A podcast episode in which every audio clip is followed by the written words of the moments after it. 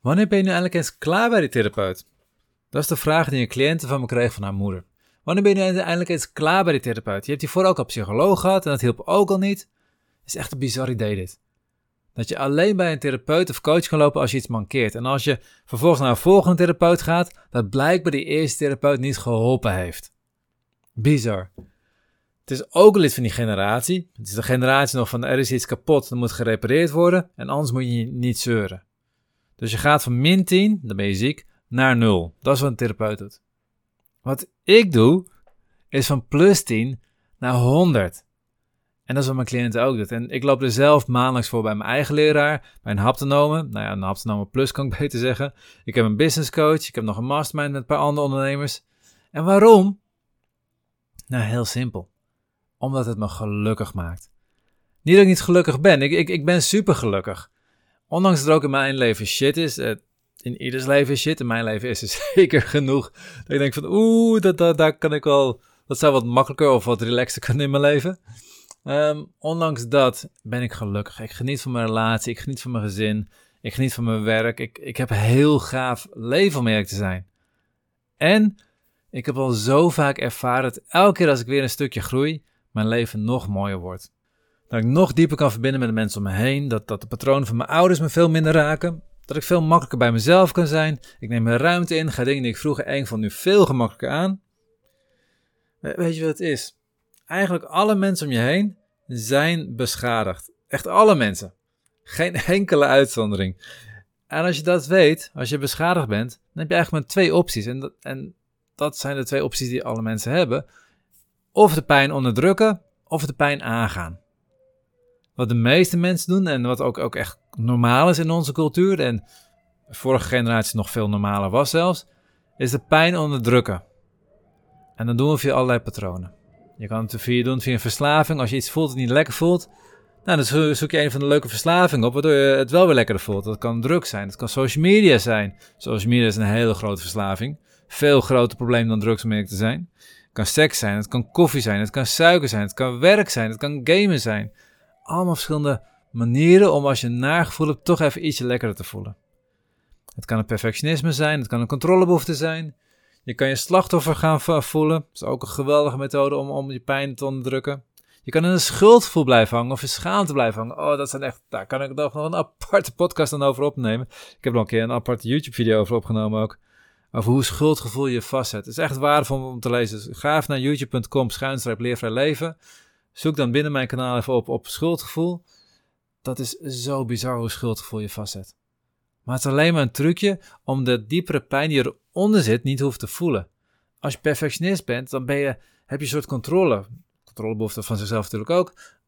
Dan, dan ben je daarmee bezig. Dan ben je niet bezig met dat er echt dieper onder zit. Als je slachtoffer voelt, dan ben je daarmee bezig. Niet bezig met wat er dieper onder zit. Schuldgevoel, dan ben je bezig met, ja, sorry, ik heb het gedaan, ik, ik zit vast, ik kan niet anders. Maar dan ben je niet bezig met wat er verder onder zit. En dat is waar het om gaat, wat eronder zit. Dit zijn allemaal manieren om die pijn niet te voelen. Maar dat betekent dus ook dat een deel van je hart waar die pijn zit, niet opent. Dat stukje van je hart hou je dicht. Dus je kunt ook niet op dat stukje verbinden. Je kunt maar op een klein stukje verbinden. De oppervlakkige laag kun je verbinden. Diepe laag hou je dicht, want je wil die pijn niet voelen. Dus je kunt de diepe laag ook niet verbinden. Dus je hebt een oppervlakkige verbinding. En misschien heb je het gevoel van nee, ik heb wel een diepe verbinding. Nou, geloof mij, dat dacht ik ook, dat ik verder ben gaan openen en nog verder ben gaan openen en nog verder ben gaan openen. En elke keer weer, steeds weer, als ik een stukje dieper kom, merk ik dat die verbinding veel groter kan, veel gaver kan. Ik merk dat, dat, dat mijn connectie met mensen zoveel dieper gaat. Ja, dat is, dat is het gewoon waard. goed, wil je echt verbinden met de mensen om je heen? Dan zul je dat stukje van je hart open moeten doen. Het bijzondere is dat heel veel mensen die smachten om liefde te ervaren, die willen echte liefde voelen, diepere liefde voelen, maar ze openen niet hun hart. Omdat het pijn doet. Dat is waarom ik steeds weer mezelf uit mijn comfortzone haal, waarom ik mezelf laat spiegelen, mijn eigen pijn ervaar. En dat wil je helemaal niet. Je hebt in het lagere deel van je hersenen, je reptiele brein, een stukje zitten wat zorgt dat je weggaat van je pijn. Dus van jezelf wil je die pijn niet voelen, maar probeer je ook echt al die automatische patronen, slachtofferschap, controlebehoeften, verzin het maar om maar niet die pijn te voelen. Je gaat er uit jezelf, ga je er weg. Dus je hebt hulp nodig om bij je pijn te komen. En dat is wat ik doe. En dat is niet altijd even leuk. Zeker weten niet. Oh joh. Ik weet nog dat ik bij mijn eigen leraar was. en dat hij met een uh, muntje over mijn rug aan het krassen was. Op alle meridianen waar een emotioneel patroon vast zat.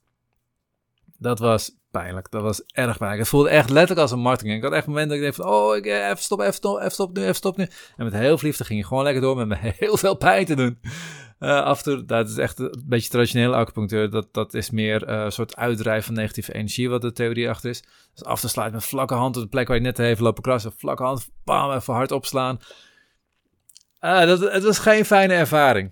Ik heb een maand rondgelopen met een soort tijgerpatroon aan donkerpaarse streep op mijn rug. Dat ik het aan mijn vrouw liet zien, die was, die was nogal geschrokken toen ik het liet zien. Maar het was tevens een sessie waarin ik een diepe doorbraak maakte. Waar ik echt een stuk oude pijn mocht ontdekken en ruimte mocht maken daarvoor en het gewoon er kon laten zijn nu.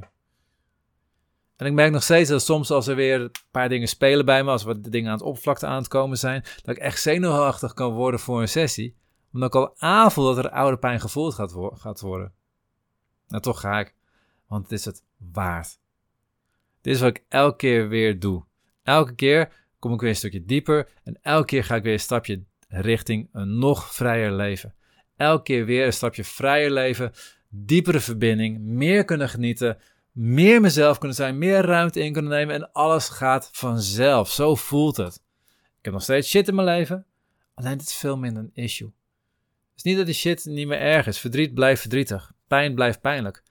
Alleen waar het eerst 80% van het stuk uh, hart was wat ik kon openen, ben ik nu zoveel verder geopend. Is mijn hart zoveel groter geworden, dat het stukje pijn wat er zit in verhouding veel kleiner is geworden. Het maakt niet zoveel uit meer, die pijn. Dit is wat ik elke keer weer doe. En dit is wat ik jou ook gun. Dus als je toe bent aan meer geluk, meer ontspanning, meer verbinding in je leven, Ga dan op zoek naar die pijn. En als je hulp wil, je weet, ik help je er graag bij. Dan mag je even op de website kijken naar hoe wij met trajecten omgaan en wat wij daarin aanbieden. En ik kan je nu alvast zeggen, het gaat pijn doen. En het gaat het waard zijn. Ik hoor je in de volgende podcast weer. Tot die tijd, op jouw vetgave vrije leven. Dit was de podcast van deze week. Ik ben heel benieuwd wat je van deze podcast vond. Geef je app even een duimpje omhoog of een review. In Spotify kun je dit doen door naar de podcast zelf te gaan en daarop het aantal sterren te klikken onder de beschrijving van de podcast.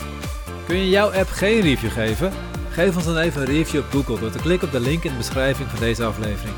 Je helpt ons op deze manier enorm om meer mensen te bereiken, zodat ook zij vrij kunnen leven.